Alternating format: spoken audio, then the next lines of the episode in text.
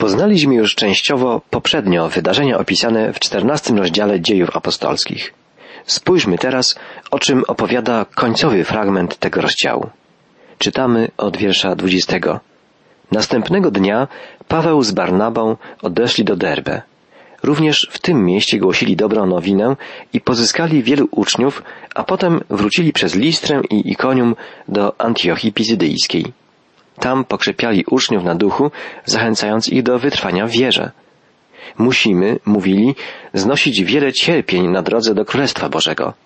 We wszystkich kościołach ustanawiali prezbiterów, starszych, przez nałożenie rąk, a potem wśród modlitw i postów polecili ich Panu, któremu zaufali. Stamtąd przez Pizydię dotarli do Pamfilii, głosili Słowo Boże w Pergę, aż zaszli do Atalii, skąd odpłynęli do Antiochii Syryjskiej, gdzie swego czasu poruczeni łasce Bożej rozpoczęli dzieło teraz właśnie zakończone. Po ich powrocie zgromadzili się wszyscy, aby się dowiedzieć, jak wielkich rzeczy Bóg przez nich dokonał i jak poganom otworzył drzwi wiary. Następnie przez dłuższy czas pozostali z uczniami. Czytamy, że Paweł i Barnaba wyznaczali starszych w nowo powstałych wspólnotach. Mieli oni za zadanie zwiastowanie słowa, także sumienne prowadzenie pracy duszpasterskiej, nieustanne napominanie, utrzymywanie zewnętrznego i wewnętrznego porządku. To wszystko nie robi się samo. Muszą istnieć i pracować ci, którzy są przełożonymi, starszymi. Ich tytuł nie jest ważny. Nikt nie posługiwał się wtedy statutem kościoła i paragrafami. Zamiast tego apostołowie wyszukiwali ludzi, którym mogli zaufać, że utrzymają spoistość wspólnoty i zadbają o wszystkie jej potrzeby. Apostoł Paweł i Barnaba, jak czytaliśmy, wśród modlitw i postów poruczyli ich Panu, któremu zaufali. Sami odchodzą, ale w Derbe i w Listrze, w Ikonium i w Antiochii, we wszystkich placówkach pozostaje Jezus. Jego wiarą uchwycili się tamci ludzie. Apostołowie wyruszają dalej. Docierają przez Pergę do Atalii, do portu, skąd statek zabiera ich bezpośrednio do Antiochii. Tam, jak czytaliśmy, zostali poruczeni łasce Bożej ku temu dziełu, które wykonali. Co dzieje się w sercu człowieka, który wraca do punktu wyjścia swojej podróży misyjnej i spostrzega, że to, co na początku było zaledwie planem, zarysem nieznanej przyszłości, teraz stało się żywą historią. Zostali poruczeni łasce Bożej. Nie wiodła ich ona do łatwych sukcesów, nie chroniła przed bólem i udręką, ale dała radość zbierania owoców pracy wykonywanej przez miesiące pełne niebezpieczeństw i trudów, w śmiertelnym zagrożeniu i wśród najcięższych cierpień. Dane im było rzeczywiście wykonać to, po co zostali posłani. Gdy wyruszali z Antiochii, nie wiedzieli, co ich czeka, tak jak Abraham nie wiedział, co czeka go po wyjściu z Haranu.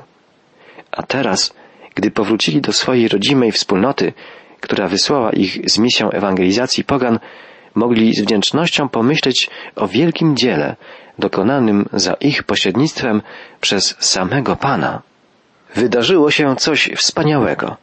Udało się dotrzeć daleko pomiędzy narody i zanieść tam światło Ewangelii. Paweł, apostoł narodów i Barnaba na pewno cieszyli się bardzo i rozważali wszystko, co się wydarzyło. Wszystko, czego dokonali, nie jest jednak ich sprawą. Obchodzi przecież cały Kościół, który po odprawieniu postów i modlitw ordynował ich przez włożenie rąk i wysłał ich do tej służby. Dlatego jest oczywiste, że gdy tam przybyli, gdy powrócili do swojej wspólnoty i zgromadzili cały Kościół, opowiedzieli, jak wielkich rzeczy dokonał Bóg z nimi.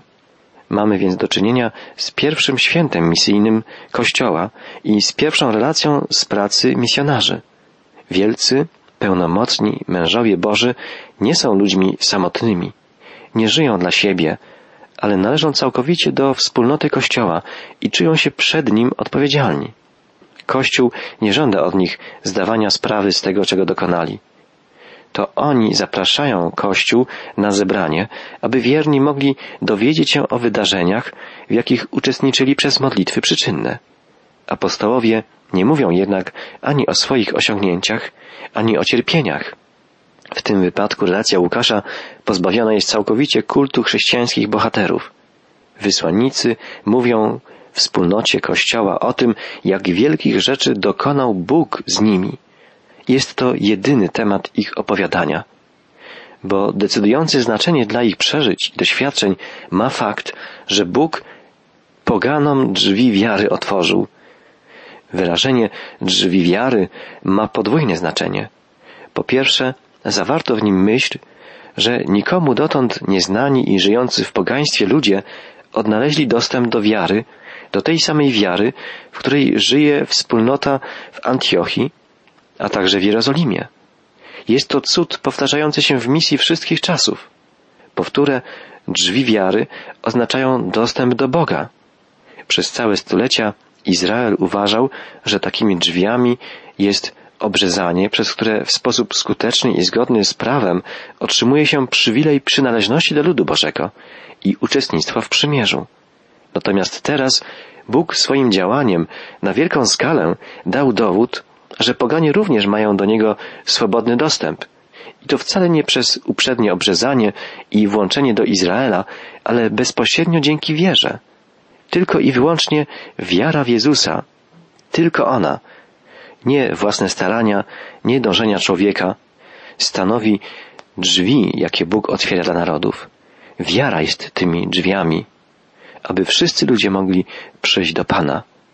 Łukasz pisze bardzo krótko i powściągliwie. Rezygnuje z opisania choćby w paru słowach zdumienia, radości i wielbienia Boga przez wspólnotę w Antiochii.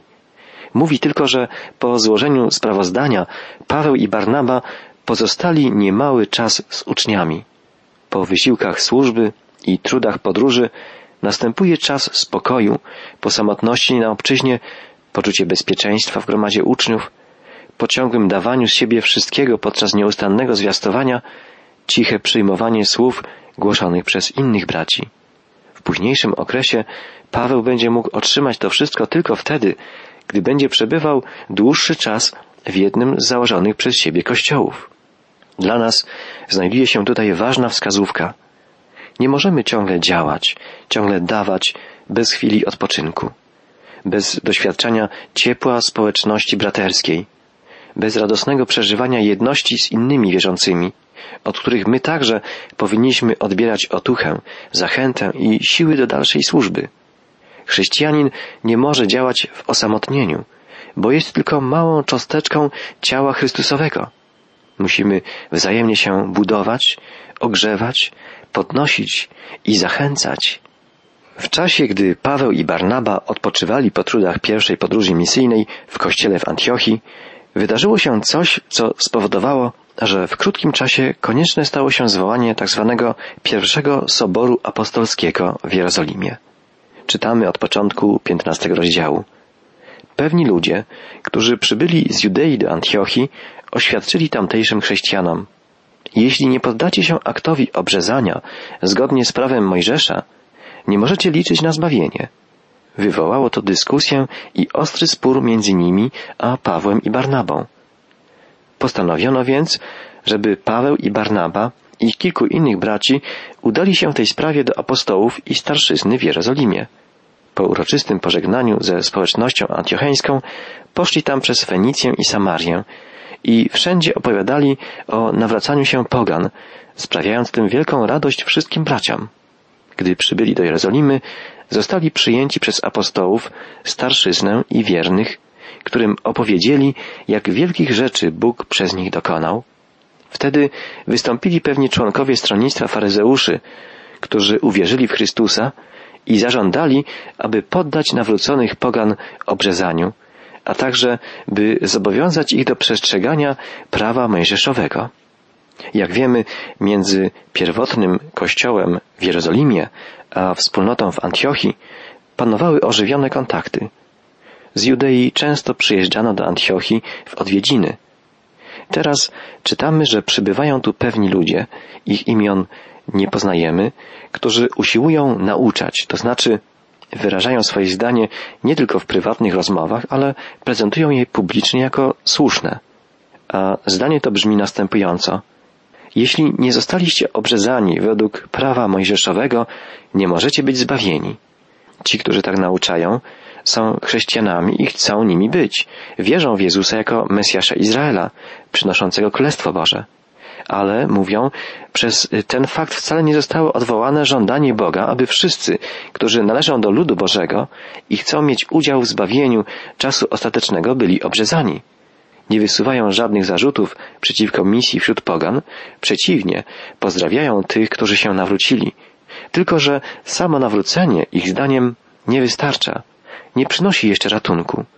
Dopiero obrzezanie może uczynić z dawnych pogan prawdziwych, pewnych swego zbawienia członków Kościoła Jezusa. Jezus plus obrzezanie. Tak możemy podsumować ich podstawę. Widać jednak od razu, że drugi czynnik wysuwają na plan pierwszy. Sam Jezus nie może zbawić, więc niezwykle ważne staje się obrzezanie. W historii Kościoła sprawy takie powracają wciąż na nowo. Atak na chrześcijaństwo pochodzi nie tylko z zewnątrz. W samym Kościele też znajdują się ludzie, którzy nagle z wielką pewnością siebie zaczynają nauczać. Jeżeli nie zrobicie tego lub tamtego, nie będziecie mogli być zbawieni bo i to, i tamto jest ważne i należy do Bożych przykazań, co możemy Wam udowodnić za pomocą Biblii. Jezus plus coś. Tak zawsze formułują swoje poglądy. Sam Jezus i wiara w Niego nie wystarczają. Dopiero gdy dodamy takie lub inne działania, takie lub inne osiągnięcia, wtedy życie chrześcijanina nabierze pełnych i właściwych wymiarów. Wśród wielu chrześcijan pokutuje naiwne przeświadczenie, że być chrześcijaninem to wierzyć w Jezusa i przestrzegać pewnych przykazań, wypełniać określone powinności. W takiej nauce kryje się podstępna siła, ale jej działanie nie trudno jest wykryć. Wszyscy chcemy być prawdziwymi chrześcijanami w pełnym tego słowa znaczeniu, a przede wszystkim chcemy mieć całkowitą pewność zbawienia ponieważ sprawa dotyczy zawsze zbawienia dusz, dlatego tak trudne i palące są tego rodzaju zagadnienia w Kościele. Dodatkową trudność stanowi fakt, że za nową nauką stoi potężny autorytet. Nauczyciele ci powołują się na prawo Mojżesza. Czy Mojżesz nie był wielkim mężem? Czy nie opiera się na nim cały Stary Testament? Jeśli tak, to czy nie powinien stać w jednym rzędzie z Jezusem? Nie można się dziwić, że świeżo nawróconych chrześcijan w Antiochii ogarnął głęboki niepokój. Czyżby nie byli jeszcze prawdziwymi chrześcijanami? Czy nie zostali naprawdę uratowani? Czy mają rację ci, którzy przyszli tu z kręgu apostołów z Judei, z prawdziwej ojczyzny chrześcijaństwa? To, co mówią, brzmi bardzo poważnie. Zależy im na naszym całkowitym zbawieniu. A jednak to fałszywa nauka. Paweł i Barnaba zdecydowanie przeciwstawiają się tym nowym naukom. Dla Pawła wielką pomoc stanowił zapewne fakt, że w tej sprawie miał u boku Barnabę, lewitę, który pochodził z Jerozolimy. Dyskusja przybrała gwałtowny charakter. Łukasz używa tu słowa stazis, które może być tłumaczone jako rozruchy. I znowu spotykamy się ze zjawiskiem przewijającym się przez całą historię Kościoła aż do dziś. Takich sporów nie da się rozstrzygnąć, sięgnąwszy do Biblii, ponieważ obie strony powołują się na jej autorytet. Różnica zdań ma w sobie tyle goryczy, gdyż każda grupa żywi przekonanie, że jasne słowa Biblii popierają właśnie jej stanowisko. Trzeba się więc odwołać do decyzji ludzi, których autorytet jest bezsporny. Wobec tego postanowiono, żeby Paweł i Barnaba oraz kilku innych spośród nich udało się w sprawie tego sporu do apostołów i starszych do Jerozolimy. Paweł i Barnaba wyruszyli i czytaliśmy, że szli przez Fenicję i Samarię. Pawłowi i Barnabie zależało na odwiedzeniu różnych wspólnot chrześcijańskich po drodze, aby opowiedzieć im o swoich doświadczeniach zebranych podczas misji wśród pogan. Sprawiało to wielką radość wszystkim braciom, dla Pawła i Barnaby było zaś utwierdzeniem w słuszności obranej drogi. Upewnili się, podążając do Jerozolimy, że Bóg pragnie przemieniać serca ludzi z wszystkich narodów i że dla Niego nie istnieją żadne bariery czy przeszkody. W Jerozolimie Paweł i Barnaba zostali przyjęci przez całą wspólnotę, przez apostołów i starszych. Zrozumiano, że jest to bardzo ważne spotkanie. Chodziło przecież o kwestię zbawienia i po raz pierwszy przywódcy Kościoła spotkali się wszyscy, żeby rozstrzygnąć ważne i trudne zagadnienia. Spotkanie nie rozpoczęło się od formalnej dyskusji teologicznej. Paweł i Barnaba po prostu opowiadali, jak wielkich rzeczy dokonał Bóg przez nich. Widzieli wyłącznie wielkie czyny Boga. Ten tak zwany Sobór Apostołów różnił się od późniejszych synodów i soborów tym, że decydujące słowo należało tu nie do teologów, ale do świadków dzieł Bożych. Apostoł Paweł i Barnaba byli dlatego nieugięci w swojej postawie, że obaj opowiadali się za wolną łaską Boga w Jezusie jako jedyną podstawą zbawienia, za pełnym uwolnieniem się od prawa, za nieograniczonym zasięgiem misji. Widzieli bowiem, jak Bóg działa wśród wszystkich narodów. W odpowiedzi na ich relację o głos poprosili niektórzy yy, z ludzi z faryzeuszy. Czytamy o nich, że byli ze stronnictwa faryzeuszów, którzy uwierzyli. Nie przeszli jednak takiego gruntownego przełomu, jak faryzeusz Saul, apostoł Paweł, który po spotkaniu z Jezusem zupełnie inaczej myślał, inaczej ufał Bogu, wierzył. A w przypadku owych ludzi nie zostało rozbite ich poczucie własnej sprawiedliwości. Nadal pozostali faryzeuszami, czyli surowymi, przywiązanymi do prawa mojżeszowego pobożnymi Żydami, którzy tylko w tej mierze uwierzyli w Jezusa, że uznali go za obiecanego Izraelowi Mesjasza. Nie dopuszczali natomiast myśli, że do Mesjasza mogą przyjść i dostąpić zbawienia także poganie, nie przyjęci uprzednio w poczet członków narodu wybranego przez rytuał obrzezania i uznanie prawa. Jak ważną rzeczą aż po dzisiaj jest to, żeby ludzie przeszli przed Bogiem przełom, prawdziwy przełom, rozwijający całe ich dotychczasowe życie i radykalnie uwalniający ich od siebie samych i własnego sposobu myślenia i postępowania. Tak jak mówili ojcowie reformacji, tylko człowiek z głęboko zatrwożonym sumieniem może w pełni pojąć Ewangelię. Czytamy tu o czymś bardzo pięknym, o czymś, co świadczy o wolności i szczerości panujących wśród pierwszych chrześcijan stosunków. Paweł i Barnaba zdawali swoje sprawozdanie bez przeszkód, publicznie i równie swobodnie wypowiadali swoje poglądy ci członkowie Kościoła, którzy trzymali się prawa mojżeszowego. Dalej też wszystko rozstrzygano jawnie. Czytamy, zgromadzili się więc apostołowie i starsi, aby tę sprawę rozważyć. Było to bardzo istotne. Chodziło o jedność młodego Kościoła. Już wtedy mogło nastąpić to, co niejednokrotnie niestety zdarzyło się w późniejszej historii Kościoła, mianowicie rozłam. Mogły wtedy powstać dwa kościoły.